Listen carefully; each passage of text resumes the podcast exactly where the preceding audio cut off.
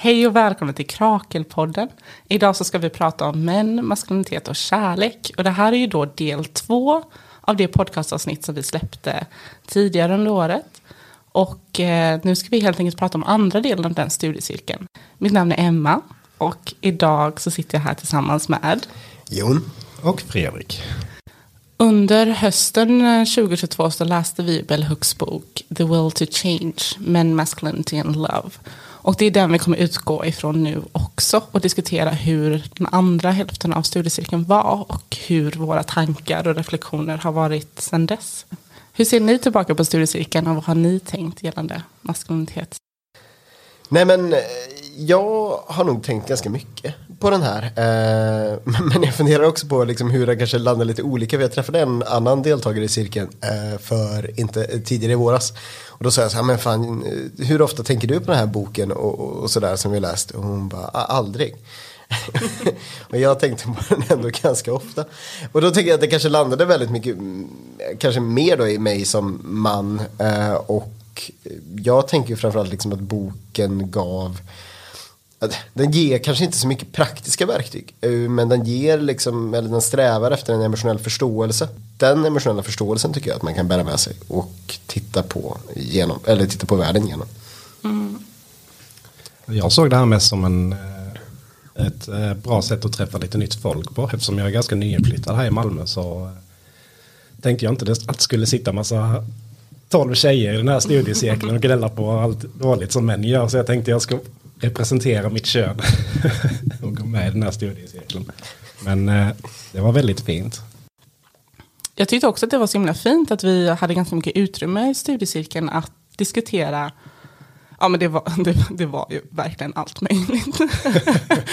det känns svårt att sammanfatta på något vis. Men jag antar att vi bara börjar någonstans och så ser vi vart vi, vart vi slutar. För det är ju ett väldigt brett område som vi har rört oss inom. Jag tänker att många tankar och känslor säkert har uppstått sedan dess. I förra avsnittet så nämnde du Jon eh, någon form av sociala medier eh, fenomen som eh, skedde att män inte visste om att de hade någon de kunde ringa när de mådde dåligt. Och jag har ju ute på fältet upptäckt en ny trend som är att män på stan blir stoppade och den personen som spelar in frågar dem om de skulle kunna tänka sig att ringa en manlig vän och säga att de älskar dem. Har ni sett detta och vad är era tankar kring det? Jag har nog bara stött på det för alltså någon enstaka, något enstaka klipp eller något. Kanske bara en trend i min algoritm. Nej, men jag, jag har också sett det. Jag har sett ett sånt klipp. Det ligger liksom sparat i min eh, samling på Instagram över för dåliga dagar. Då kan jag liksom titta på det här klippet och, och bli lite varm i hjärtat. Ja, fint. Ja, men det ligger där tillsammans med lite memes. Och det är ju väldigt fint. Jag, jag tycker om man ska liksom gå in på sociala medier och liksom läget som vi har. Och det funkar väl bra när vi pratade om också ur från Bella Hooks har ett helt kapitel som handlar om eh, mediekultur och, och, maskulinitet. Och då är det liksom på den tiden boken skrevs så fanns ju inte sociala medier eh, på det viset som det finns nu. Och det råder ju närmst liksom ett kulturkrig liksom, med kanske slagsidan åt en konservativ maskulinitet i sociala medier. I boken beskriver Bell Hooks att det finns någon form av liksom konservativ backlash och då pratar hon om 90-talets eh, eller tidiga 2000-talets krigsfilmer som den liksom kulturella patriarkala backlashen mot liksom progressiviteten. Det är ju intressant utifrån idag så pratar ju den här Tate-högen om att James Bond med Daniel Craig när han börjar bli emotionell så är det liksom den voka vänstern som vunnit. För till och med James Bond visar känslor och respekterar kvinnor nu. Vilka förebilder finns då kvar?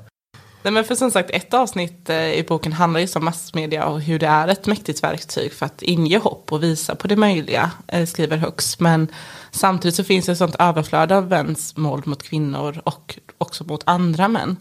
Ett citat från boken är By making it appear that the threatening masculinity, the rapist, the terrorist, the murderer is really a dark other while male patriarchs are able to deflect attention away from their own misogyny from their violence against women and children.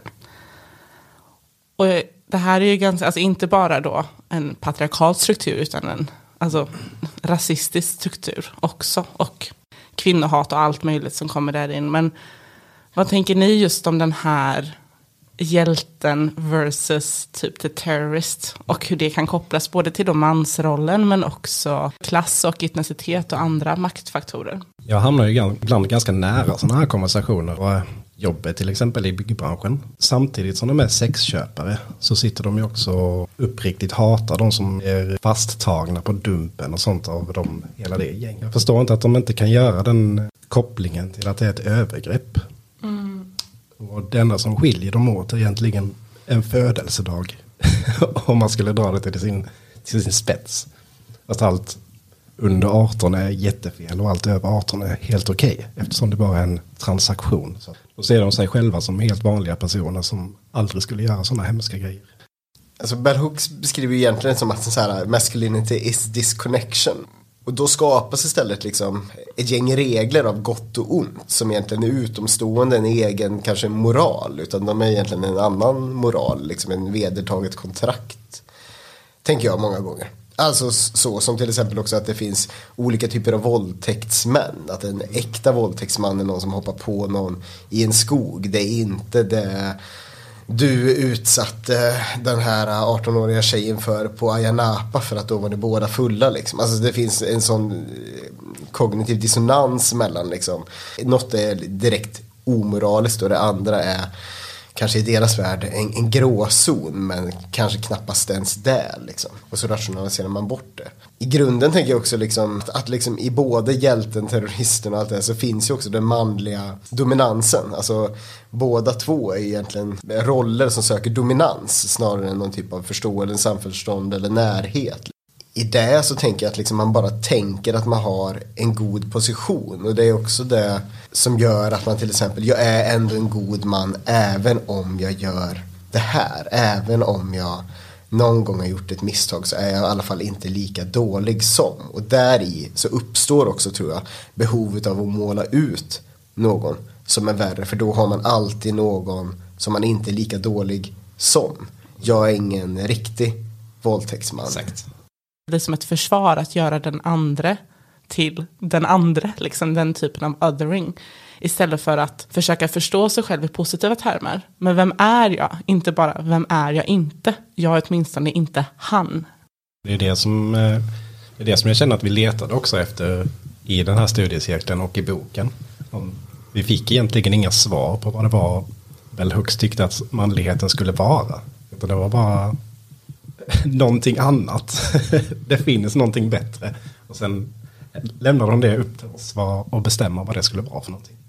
Nej men det är väl helt sant just det så här avsaknaden av positiva förebilder. Men det också tänk, har jag tänkt mycket på i efterhand liksom att, att de manliga förebilder som finns också alltid görs till eh, omänskliga karaktärer. Att manliga förebilder är just det, alltså hjältar, legender, liksom eh, vars de gråzonerna i så fall är ytterst alltså, små. Alltså det är en liten marginal. Det är också oftast, om man tittar på populärkulturen, en, en historia som man gör botgöring mot. Alltså man har ju begått krigsbrott och sen kommer man hem och så gör man rätt för sig genom att bekämpa ondska på hemmaplan till exempel. Ett så klassiskt actionark. Men i det så uppstår det oftast också bara en hjälte som är liksom helt, alltså som är som gud, alltså ofelbar, alltså utan liksom stora brister. De har svagheter som rör, med deras, rör deras förmåga att göra, men de är liksom inte själsliga brister. Ja, för jag tänker då blir det ju ganska svårt som människa ute i det verkliga livet att, att ha några riktlinjer att förhålla sig till, kanske som man, om det är här de här extrema exemplen som finns till godo liksom. Jag tänker det exemplet du nämnde nu med din arbetsplats, Fredrik, att då, då blir det ju sådana starka kontraster. Det, det går liksom inte ihop med, det blir en paradox. Ja, det blir svårt att närma sig hela den konversationen. När man står på sådana olika platser. I, jag känner att jag vill närma mig den frågan på ett annat sätt. Jag vill inte se dem som sämre, utan jag vill ju få över dem på vår sida istället och försöka få dem att inse att det är fel och varför. Men jag kan ju inte, ska säga att liksom i de arbets, liksom på de arbetsplatser som jag har varit på så har inte det här liksom varit påtagligt. Däremot så märker man ju fortfarande hur liksom, alltså, patriarkatet finns som en dynamik i, i att känna sig trygg kanske. Eller så. Och vilka som får känna sig trygga och liksom vad man pratar om. Och liksom vem som tar plats och vem som inte får ta plats. Liksom om vi vidgar frågan till liksom handla om just den här diskursen som Bell Hooks också berör om liksom, liksom hur vi pratar och, och återigen då, om vilka män. Att medelklassens män kan då titta på arbetarklassens män och säga jag är i alla fall inte en sån som kan eh, visslar efter eh, kvinnor när de går förbi. Men i de sfärer man själv rör sig så finns ju fortfarande otrygga rum. Alltså det liksom patriarkatet genomsyrar ju hela samhället. Det ser bara lite ut på olika vis.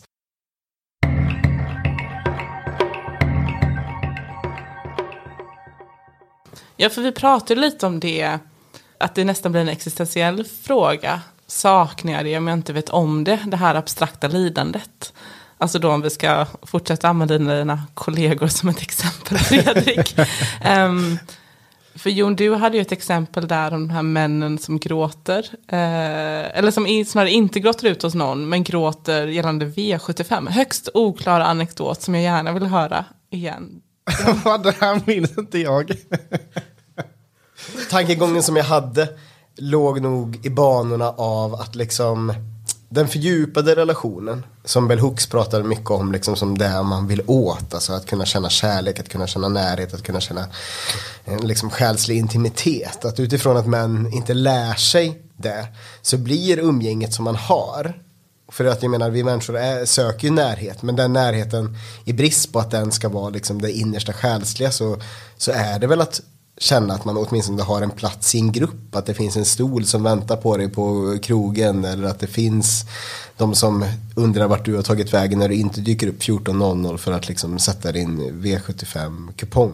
Och det är, gott nog för att det har jag tänkt mycket på att liksom just alltså känslan av att vara behövd som man. Den är ju dels i förändring utifrån hur samhället förändras. Folk pratar ju som en förklaringsmodell för liksom incelrörelsen och så här att den traditionella mansrollen den är liksom lite obsolit. Alltså kvinnor kan både få barn själva, de kan försörja sig själva, de kan liksom i större utsträckning vara självständiga utan en man och därmed försvinner en traditionell mansroll utan att något annat riktigt har trätt in. Och det är då vi hamnar i den här krisen som Bell Hook skriver om. Men eh, du pratade också om de här om män som gråter. Hon skrev eh, något väldigt fint om det. Att eh, men cannot speak their pain in patriarchal, patriarchal culture. Boys learn this in early childhood. And as a girl I was awed by a man in church, a deacon, who would stand before the congregation and speak his love for the divine spirit. Often in the midst of his testimony he would begin to weep, sobbing tears into a big white handkerchief. Jag tycker det var så fint att den enda gången som hon har sett män gråta var när hon var i kyrkan. Att det har präglat hur hon tänker om religion och män och hela den grejen. Det är V75 och kyrkan. Det är, det är, det är mäns trygga rum verkar det som. Ja, men, och jag Arbetsborden också. Ja, ja, men, och män skapar ju sina trygga rum. Men de rummen är ju liksom också trygga för att man kanske inte heller av, alltså man får en tydlig roll tilldelad. Man avkrävs inte heller intimitet. För att alltså intimiteten är ju en otrygg plats för man känner ju inte att man behärskar den. Tänker jag många gånger. Det liksom kanske alltså, har jag reflekterat mycket över att just att alltså Bell Hooks pratar ju om att pojkar eh, lär sig från tidig ålder att inte känna. Att liksom disassociera sig från sina känslor. Och därigenom blir ju liksom också då en sån sak som komplexa känslor eller känslor som, liksom är, som intimitet kanske och sådana saker. De blir ju liksom jobbiga och svåra att hantera. Och då förstår jag också att man inte nödvändigtvis söker sig dem eller närmar dem. Framförallt också när de är ansedda som fula. Och, och liksom kanske till och med i relation då till eh, kvinnor och, eh, liksom, som man har romantiska relationer med. Någonting som gör att man kan känna sig mindre åtrådd av kvinnan. Och det här är ju någonting som jag tycker liksom, man återigen ser liksom också i mjukare den här kons liksom konservativ backlash på sociala medier. När man pratar om så här femin eh, the feminine energy och the masculine energy. Liksom. Och vi pratade i förra avsnittet om de här tre pappor. Liksom. Och det finns ju absolut det här då att män ska, om de ska vara ledsna så ska de vara det bland sig själva. gråt ut men gör det bland inga killar för det är inga kvinnor som ska se. Den på något vis öppnar upp dörren för att män ska vara det men det öppnar också dörren för att det är någonting som åtskiljer oss som kön. Att all form av romantik dör i händelse av mäns eh, liksom svaga känsloyttringar. Då kanske det är på sin plats att fråga hur det går med ditt lilla sidoprojekt, Jon, med Missing Feelings. har du någon uppdatering om hur det här volontärarbetet har sett ut? Att äh. hjälpa män att tryggt komma i kontakt med sina känslor. Ja, har de gråtit ut hos dig? Eh, nej, nej, men det här, jag hade, jag hade eh, så här. Jag gjorde ett försök, jag ska inte säga att jag gjorde, jo, jag gjorde nog ändå ett par ärliga försök i, i ett par nära relationer jag hade. Med eh, män som jag kanske tänker stå längre ifrån sina känslor. Men det jag också märker är hur det också blir ett sätt att trycka undan dem. För att det här är liksom ingen lätt konversation att, att ha. En sån sak som så här, känner du någon gång att du känner dig osäker på någonting? Känner du dig eh, svag? Och i så fall kring vad? Och det här är liksom, alltså saker, så, äh, det tänker jag inte på. Det var liksom svaret. Äh, jag vill inte prata om det.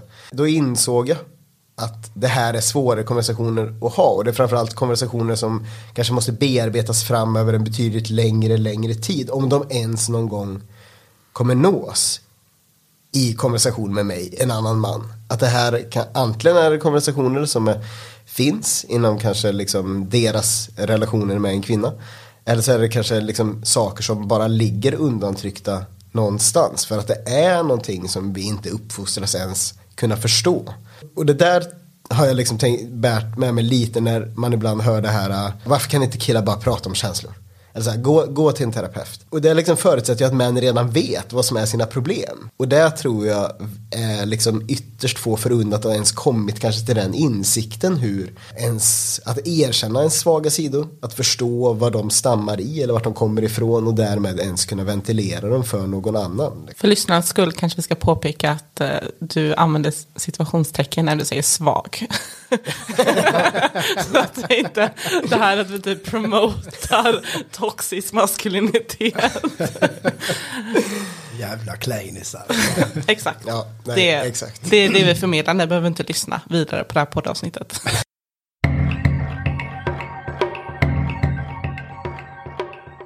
Det som jag tänker egentligen vi pratar om här är just sårbarhet. Och eh, det är ju en förutsättning för att komma sig själv nära och för att sen kunna komma andra nära. Och det här exemplet innan med just möten på arbetsplatsen var ju också ett tema som vi diskuterade i boken. Eh, Bell Hooks skriver ju om hur arbetet står i vägen för kärlek och eh, dränerar kapaciteten att älska, reflektera och ha relationer. Hon skriver om hur sex och porr blir ett sätt för att soothe, alltså det vill säga trösta män från deras tråkiga, inhumana jobb där deras hälsa och välbefinnande är i risk. Och det här pratade vi lite om sist med olika arbetsplatsolyckor och så vidare och ett, och ett ideal om den starka mannen och så vidare. Men Bell Hooks betonar ju också att män kan använda jobbet för att fly från sig själva. Hon formulerar sig i termer av att de operate from a space of emotional numbness. Lite det vi konstaterar att manlighet är att vara ifrånkopplad sig själv. Så vi diskuterade ju hur vi såg på relationen mellan mäns kroppar, själ och förvärvsarbetet. Vill ni berätta lite om hur ni tänkte kring det? Eller vad ni tänker nu när ni hör det? Det finns några saker som kanske jag tänker ta fasta på. Och det ena är ju liksom just hur män också Eh, premieras och identifiera sig med sin prestation och därigenom, alltså en, en stor prestation i en mans liv är ju ett arbete. Eh, och, och därigenom så blir det ju också liksom då att om, ar, om man inte får ett arbete, vem är man då som man överhuvudtaget? Men det andra blir också nu när ident alltså jobb och identitet börjar flyta samman så otroligt mycket mer så blir det nästan ännu sorgligare. Eh, alltså att man kan tänka att förr i tiden så var det såklart att en man jobbade hårt men eh, han kanske inte behövde ha sin själ i sitt arbete. Men idag så finns det någon form av kulturell förväntan, åtminstone i västvärlden, kring att ens jobb också ska vara ens hela identitet och att du nästan ska skämmas då för att ha en position, ett jobb där du inte heller då får en lyckad identitet. Alltså du nämnde Emma liksom det här med hustle culture och gig culture och, och så vidare. Och det enda de här liksom Alltså de som är så stora förebilder inom den sfären. Det de vill få till det är liksom varför har du ett 9 till 5 jobb när du kan göra det här? Det är ju liksom bara en form av kapitalistisk eh, enorm liksom självförverkligande dröm över att alla ska bli entreprenörer och, och därmed liksom lämna på något vis ett 9 till 5 för att skapa ett, ett kapitalistiskt superjag där du liksom är liksom på toppen av alltihop. Och den drömmen är ju ouppnåelig inom kapitalismen också så man säljs ju en falsk dröm och ett falskt hopp kring att, att bli den här personen och därmed inser man också kanske förr eller senare att, att framtiden är helt blåst om det är det här man ska uppnå så är framtiden helt blåst. Och då förlorar man ännu mer i värde. För du, det finns inget annat värde att få. Det finns inget annat värde att vara. Det duger inte att du kanske bara lämnar din kropp på arbetet. Och sen har du själen i din familj eller någonting sånt. För du har redan misslyckats. Det finns ingen identitet för dig att få. Och det tror jag är en sorglig, alltså en dystopisk, alltså en dystopisk framtid som många män och unga killar möter. På tal om det här med att man eh, får så mycket egenvärde av sitt arbete. Så la Peter Nyheter upp häromdagen att eh, var femte överskuldsatt person har försökt begå självmord. Det känns så sorgligt för att, att man inte kan eh, känna att man är värd någonting om man inte tjänar någonting och inte kan betala sina skulder. Jag tänker också att ett kapitalistiskt samhälle, ett patriarkalt samhälle, ett, ett klassamhälle kretsar väldigt mycket kring att skamma andra. Mm. Att andra ska skämmas och att det blir en moralisk fråga. Bestraffningen blir liksom att de här människorna ska känna att de typ inte får finnas. Alltså ibland existentiellt inte får finnas men också inte får synas, inte får höras, inte bli representerade och att de får skylla sig själva.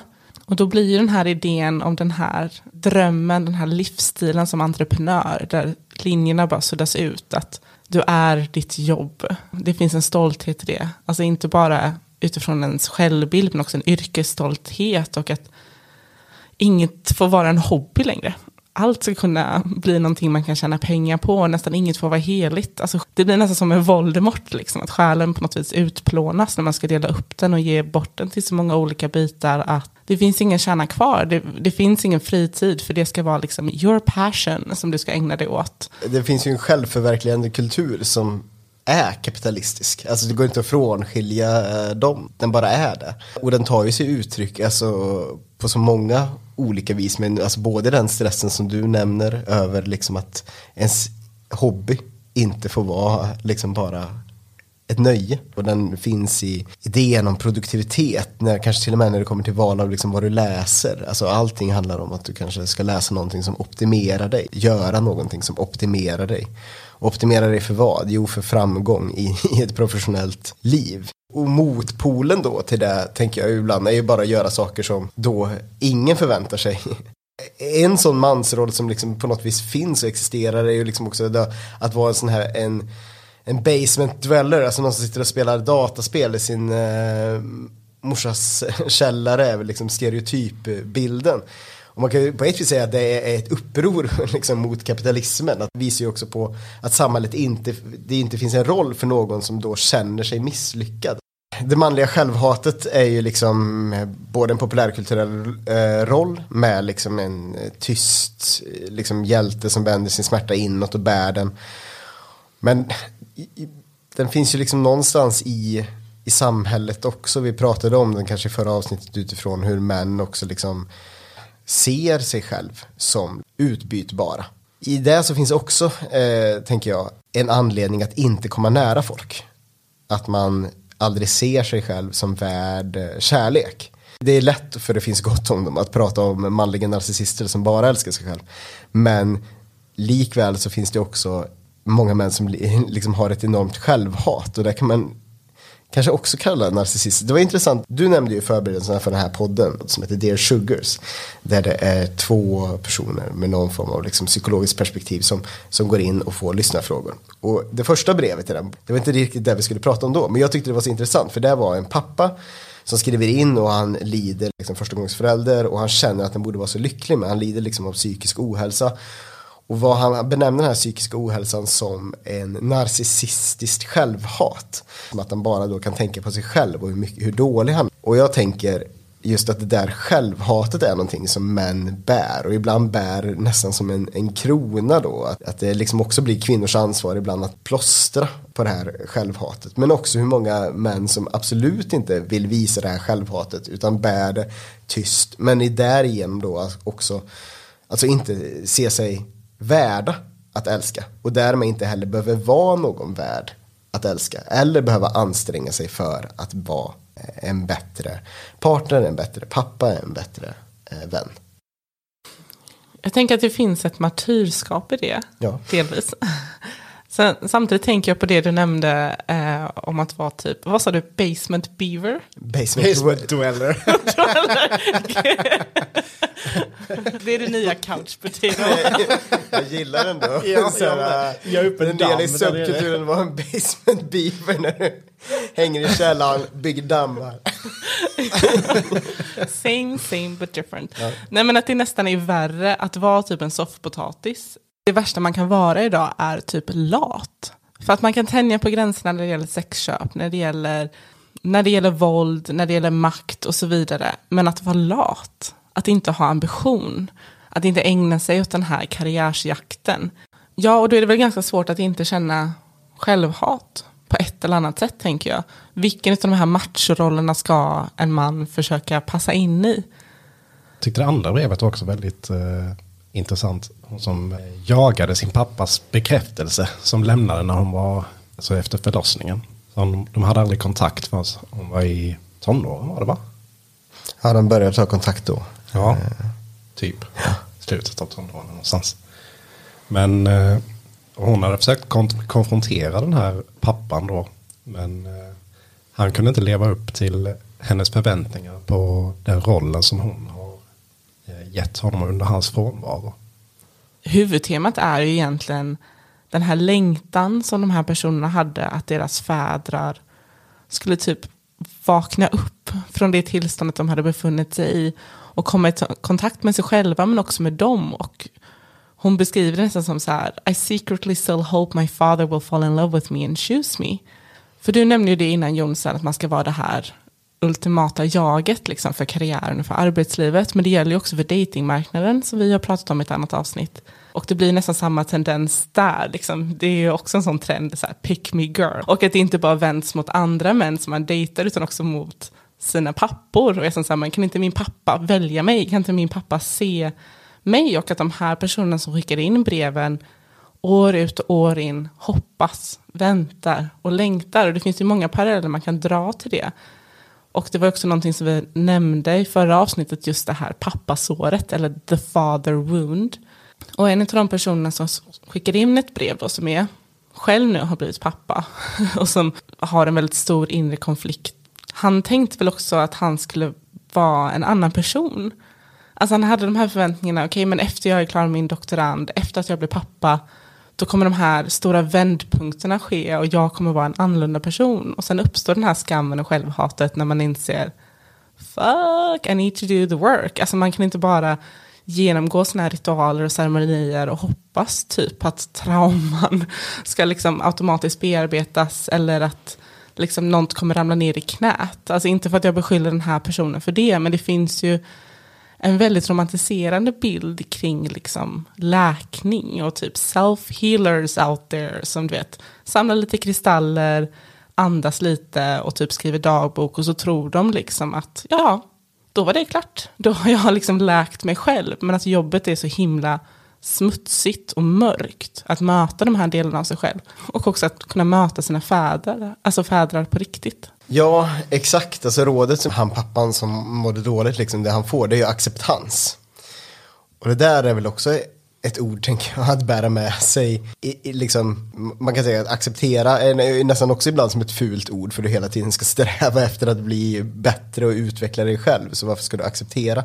Men i, i det här fallet så handlar det liksom om att acceptera de gråzoner som finns. Att saker är ledsamma eller smutsiga och att någon kanske är att ens pappa har bra sidor och har dåliga sidor. Att det inte finns liksom att kanske lägga idealiserade bilder åt sidan. Och det samma gäller ju för en själv och kanske livet man lever och Någonting jag har tänkt mycket på är det väl också i, just i relationer. Att liksom det är lätt att...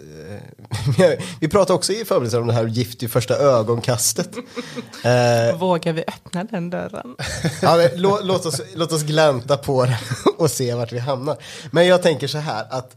Um, för där var det ju också många relationer som ibland, liksom, oavsett om det var eh, liksom, tjejen eller killen liksom, i det här som var så här, ah, men det känns inte som det riktigt är där. Eller det känns som att jag tvekar väldigt mycket inför det här. Och liksom eh, psykologernas eh, och sexologernas roll, råd hela tiden var ju lite så här, bara, ah, men låt det vara. Eller så, acceptera att det är lite upp, lite ner. Känn att det, du, så här, det är lite dåligt, men och, och var öppen med det. Och det där har jag tänkt på, liksom, alltså, om vi nu, om jag hoppar tillbaka kanske till mig själv, men också liksom, till maskulinitetsrollen. Att känna att det får vara dåligt, typ. Att känna att jag kanske eh, inte alltid är på mitt bästa har varit svårt för mig. För jag har alltid tänkt alltså, så här, att det ligger också i min roll att vara jättebra. Alltså jag ska liksom vara bra på att typ dejta, jag ska vara bra eh, liksom som pojke. Och det är klart att allt det här är ju eftersträvsamma grejer. Men att, att vara bra kan ju faktiskt också vara att erkänna att någonting är dåligt. Mm. Alltså att mm. erkänna att man själv mår dåligt. Eller att erkänna, att sätta upp en gräns också. Men det här accepterar jag inte, det här tycker inte jag är, är kul. Eller liksom så. Den saken tror jag liksom också är en sån sak som män alltså emellan sig också ibland är lite dåliga. Alltså man står ut med ganska mycket. För att man vill inte ge efter för vad som kan kännas som en negativ känsla. Det är inte kul att vara den som alltid blir typ äggad i killgänget typ. Men det kanske väljs ut en hackkyckling. Men hellre än att liksom bli arg eller ledsen för det inför sina vänner så accepterar man rollen. Det ofta finns liksom en jargong inom killgäng som är ganska elak och hård. Alltså öppet elak och hård och den kanske liksom går åt alla håll många gånger. Eller så går den e- liksom enskilt lite mer mot någon. Men att man behåller den. Man låter det vara för att de negativa känslorna inför det är för jobbiga att ta. Bianca Kronlöf hade ett projekt med organisationen Män om det här för ett tag sedan. Att man skulle skriva ett brev till en man, män emellan. Det var ett fint projekt. Men några år sedan innan det så eh, skrev jag ett sånt brev till min kompis. Och så fick han det i julklapp. Två sidor långt. Hur mycket jag tyckte om honom och sånt. det var så jävla fint. Gråtfest sen när jag kom dit. Tycker jag att fler borde göra. Fick du något tillbaks? Eller var det en överenskommelse att han skulle skriva till dig? Nej, nej. Det var bara något du gjorde? Ja. fick feeling någon dag. ja. Det var fint. Kände du att ni kom närmare då? Ja, men det tycker jag. Nu har vi ju kommit längre ifrån varandra igen eftersom jag har flyttat och sådana grejer. Men ja. det är ju sånt som händer. Det är dags för ett nytt brev. Hör du det kompisen där ute? Men, okay. Högläsning sen kanske? Ja, det är det vi satsar på. Vi brukar ju försöka hänga ut en och annan när vi spelar in. Passa på.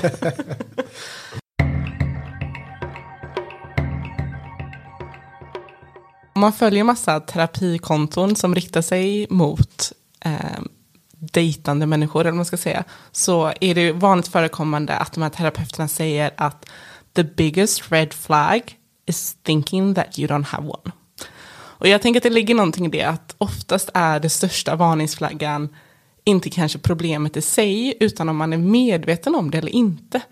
Att den här ignorance is bliss, liksom, att man inte är medveten och man naivt tror liksom att, men vadå, jag har inga fel och äh, det, det, det är där faran ligger. Så din, din, vad ska man säga, den här ambitionen man kanske ska ha om att man ska vara perfekt, liksom att det farligaste kanske ligger i att, att inte liksom omfamna sig själv snarare än att bristerna i sig skulle vara avgörande. Och det du nämnde där om gift i första ögonkastet är ju det som vi egentligen har pratat ganska mycket om under studiecirkeln. Det vill säga att den här mind-body split, att man delar upp sin kropp, man delar upp sin själ, man delar upp liksom sin, sin medvetenhet nästan, eh, den uppmärksamheten. Och det sker ju också i, i gift i första ögonkastet, att de inte tillåts vara i sina kroppar och i sina känslor, utan de intellektualiserar kring det. De tänker kring det hela tiden. Och då är det jättesvårt att känna något om man bara är i huvudet, om man inte liksom tar hissen ner i kroppen och tänker, vänta lite, är jag avslappnad, vad känner jag, vad är det som händer? Hur ska då den här gnistan som vissa pratar om, hur ska den uppstå om man överhuvudtaget inte är närvarande i sin egna kropp och medveten om vad som sker? Mm. Nej, verkligen. Det jag tyckte var liksom intressant i den här säsongen, jag, det här var faktiskt första säsongen av Gift i första ögonkastet jag såg, för jag har liksom skämts för mycket. Eh, när jag började titta på det vid andra tillfällen, att jag inte kunnat kolla klart. Det är en känsla jag har svårt att gå in i, så här, eh, socialt obekvämlighet. Den bottnar jag fortfarande inte i och kanske aldrig kommer att göra. Eh, men, Acceptans. Ja, men det, det här var terapi för mig, att sitta kvar. Alltså, liksom, det hjälpte att jag typ lagade mat och tittade på det, liksom, Gift i första ögonkastet vid sidan av. För då hade jag liksom någonting annat att fly till. På riktigt KBT-terapi att ägna sig åt exponering i steg. Tack, skönt. Bekräftad av en terapeut. Allt man vill. Självutnämnd terapeut, obs. Terapeut som terapeut. Nej, men Jo, men just att liksom, att det åt båda håll, att det, just det här intellektualiserandet av känslan som du säger, men jag tyckte att det faktiskt fanns liksom, alltså att det blev så tydligt också, både kvinnor och män som har så svårt att ibland landa i sin egna känsla kring det här. Och det säger kanske någonting om vad relationer är, den heterosexuella relationen, verkligen är. Eh, Alex då, eh, som bor i Malmö, enhetschef på akuten, om jag inte minns helt själv. Fint att du grät och var så sårbar. Det liksom var ändå ett bestående intryck just för att, jag ska inte fortsätta prata till dig Alex, men jag tänkte faktiskt på igår senast att jag hade träffat Alex på Azalea så hade jag velat bjuda honom på en öl. Ja. Just, Vad ska vi tillägna det här avsnittet till Alex? ja, men jag, Och andra män som... Nu, Och en duett kanske, samtidigt. Det jag ville komma till där, det var liksom att Alex kom in lite som någon person av, lite, av viss naivitet inför sig liksom själv och sina relationer, kändes det som.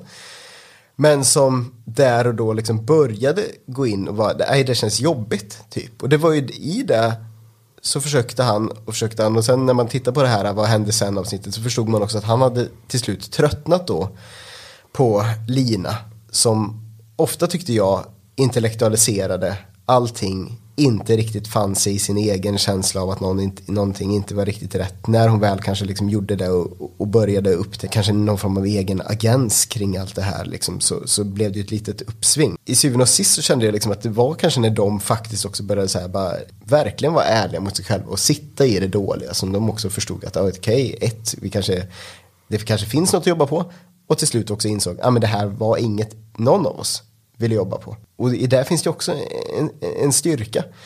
Men just det där att liksom att våga känna att någonting är dåligt men också då våga tro att det kan bli bättre och att man kan jobba på det. Det är någonting som Bell Hooks lyfter tidigt i boken och vi nämnde nog första avsnittet just det här att män letar efter någon som är perfekt för man tror inte på sin egen förmåga över att lösa de emotionella hinder som finns på vägen.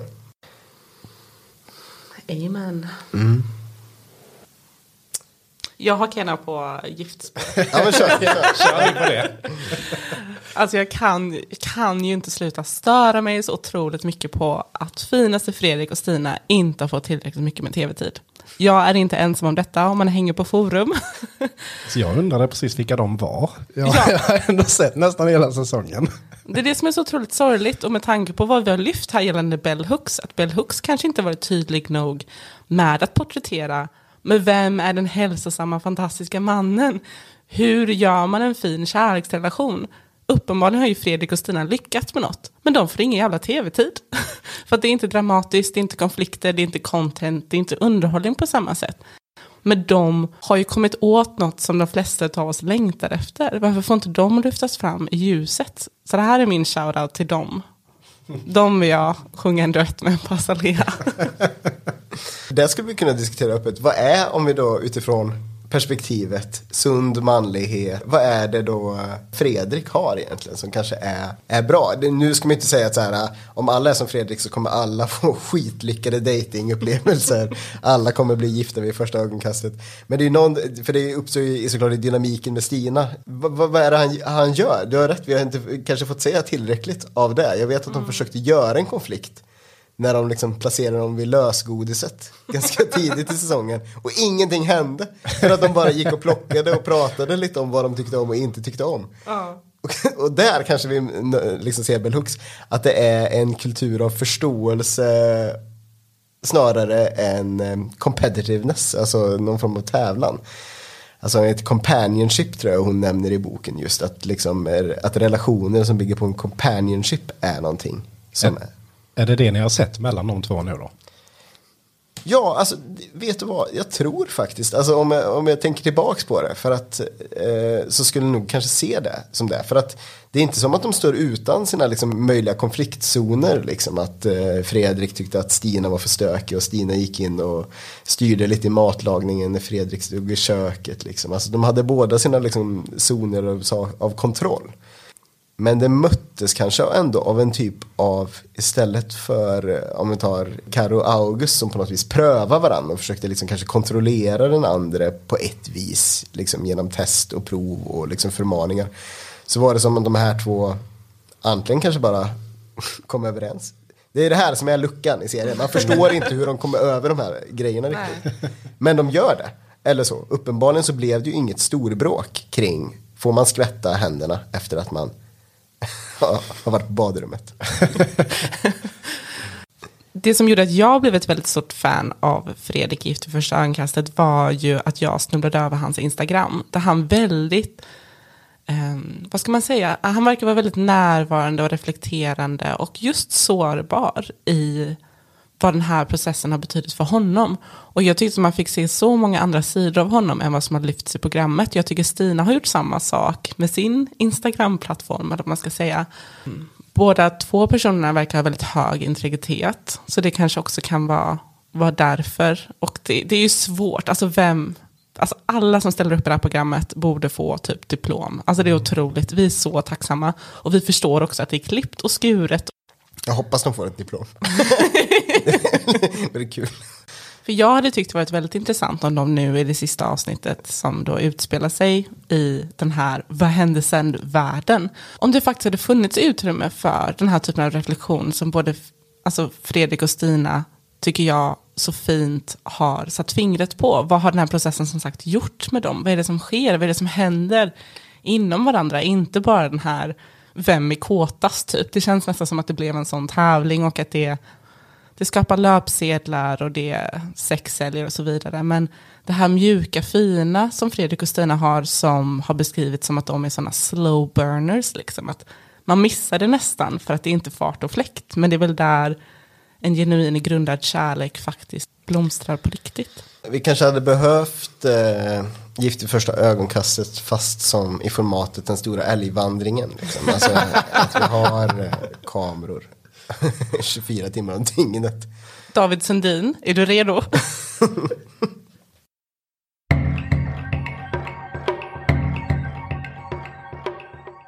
Jag skulle gärna vilja återvända till avsnittet i Dear Sugar som vi nämnde. För en av de som är Dear Sugar är ju Cheryl Stray. Och det är hon som har skrivit och eh, gjort den här boken och filmen Wild bland annat. Och även porträtterar sitt liv i Tiny Beautiful Things som också har blivit filmatiserad nu, som jag kan tipsa om.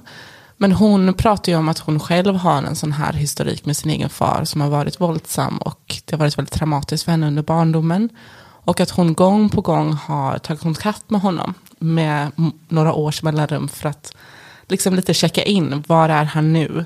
Jag tror också att det finns någon form av missbruksproblematik där som också gör att det kan finnas lite olika förutsättningar för dem att mötas. Och någon gång så, så tror jag att han sa rakt ut till henne bara, men nu, jag, jag vill inte detta. Eller jag, jag kommer inte ihåg hur han formulerade det, men att han liksom stängde den dörren för alltid till att de skulle kunna prata om deras relation, till vad som har hänt och till hur hon mår och vem hon är och så vidare. Och då kommer de in på det här att den här ilskan som uppstår när män då blir konfronterade, och speciellt kanske av personer de har nära relationer med, är egentligen bara någonting att täcka över skammen med. De säger så här, the rage is the cover story for the shame. The fact that we can't even have a discussion. Och vi var lite inne på det där, hur kan vi acceptera att det här är den pappan vi fick? Inte den vi önskade eller kanske behövde, men det är den som finns. Och hur vi kan släppa de här förväntningarna och idoliseringen av den här fantastiska pappan. Liksom. Vad tänker ni kring det? Jag har skrivit ner ungefär samma citat. Det står eh, The force of shame is greater than his ability to feel and express love. Ja, man, man hoppas ju att de omvårdnadspersonerna man får i början av livet ska kunna vara bra rättsnören för oss som vi kan navigera ut efter. Och ibland får man väl som vuxen, som Amanda var lite inne på förra avsnittet, skapa dem själv. Man får vara den föräldern man kanske inte fick och som man önskar. Och man får försöka möta sig själv med den blicken som man gärna hade velat få av en förälder till exempel. Dear Sugar-avsnittet heter ju How do we forgive our fathers? Och det är ju ett citat från dikten av Dick Lowry och Sherman Alexie som jag tänkte läsa nu. How do we forgive our fathers? Maybe in a dream. Do we forgive our fathers for leaving us too often or forever when we were little?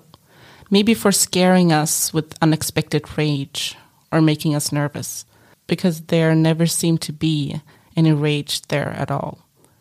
Do we forgive our fathers for marrying or not marrying our mothers, for divorcing or not divorcing our mothers? And shall we forgive them for their excesses of warmth or coldness? Shall we forgive them for pushing or leaning, for shutting doors, for speaking through walls, or never speaking, or never being silent? Do we forgive our fathers in our age, or in theirs, or in their deaths, saying it to them or not saying it? If we forgive our fathers, what is left?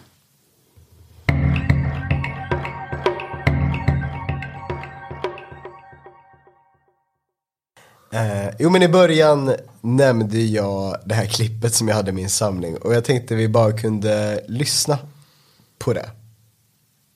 Do you tell your male friends that you love them? Yeah, I do. Would you be willing to call one of them up right now and tell them it live on our show? Of course. Josh, Hey, AJ. what you saying, bro? I'm alright, how are you? I'm good, man. Just just calling to tell you I love you, man. Nah, I love you too, my bro. Thank you for the call. Bro, no, no problem, man. That's it. I'm gonna hit you up later properly. Okay, peace. Alright, bless. Det påminner mig också om eh, ett klipp som jag har sparat, For Rainy Days. det vi ser är eh, en vit äldre man som står och röker och det är lite sent på kvällen. Och så är det en person då som kommer fram och filmar honom och frågar honom hur hans psykiska hälsa är.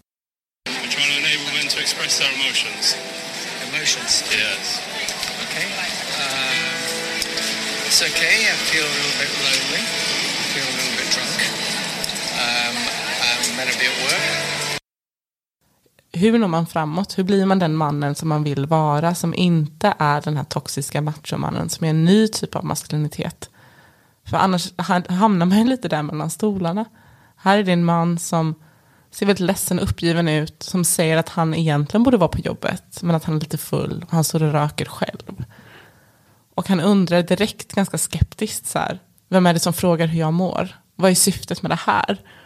Och när personen som filmar säger att ja, men det är för ett företag jag jobbar för som vill stärka mäns psykiska hälsa.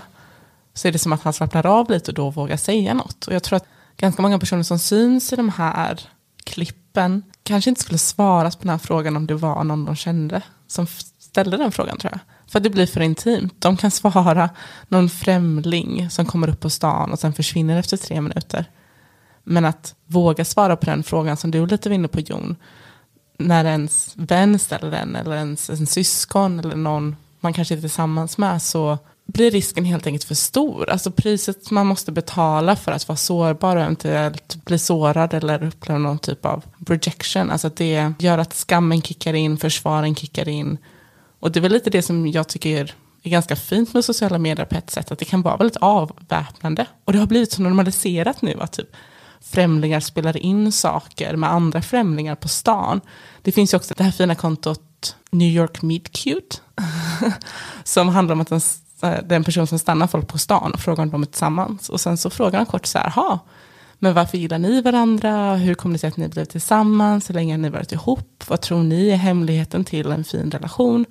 Och ibland är det ju par som har varit gifta liksom i typ 60 år, vissa som har dejtat i tre veckor. Och det är så himla fint och det är liksom alla olika typer av människor och relationsformer och sexualiteter och att det känns så himla fint med ett konto som i this day and age vill sprida den typen av positivitet att det finns så många olika sätt att finna varandra på och att det också bör lyftas i liksom det här havet av kritiska blickar och negativitet och den ena katastrofen efter den andra och ett nyhetsflöde som är så dominerande av den här dystopin som vi också varit inne på. Och då känns det fint att se den här typen av aktivism och de här typen av människorna som i sin vardag försöker att skapa förändring.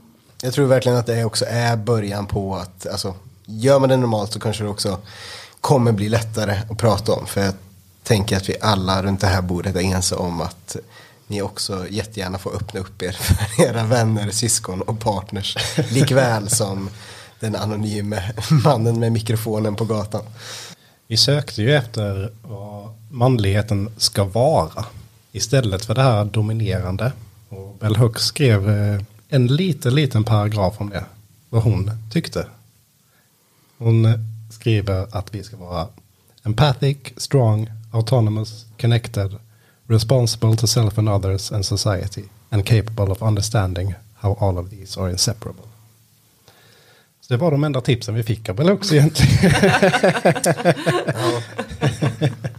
Det är dessvärre inte mycket att gå på. Det lite det känns kanske. väldigt abstrakt, ja. Att vara så här compassionate, att ha medkänsla. Vad betyder det? Vad börjar man då? Vad är första steget?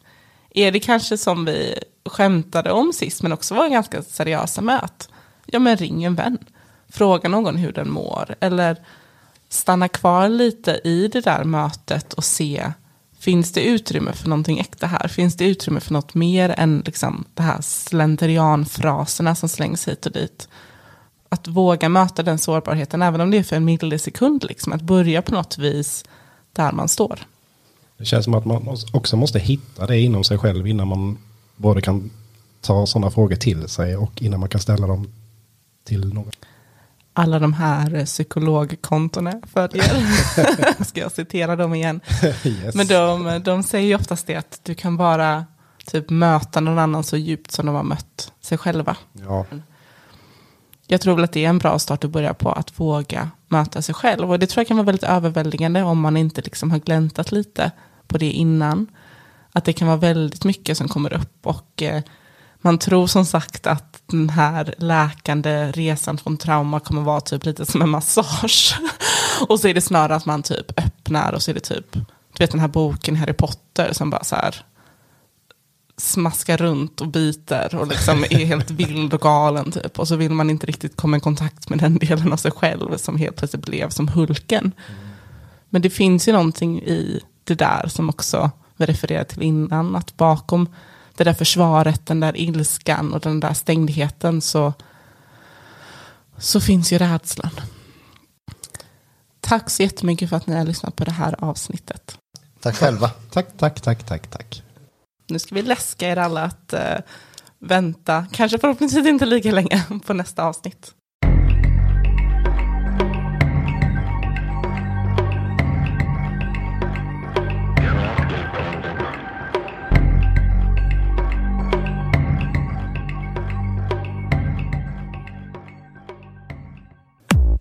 Du har lyssnat på en podcast som görs i samarbete med ABF Malmö.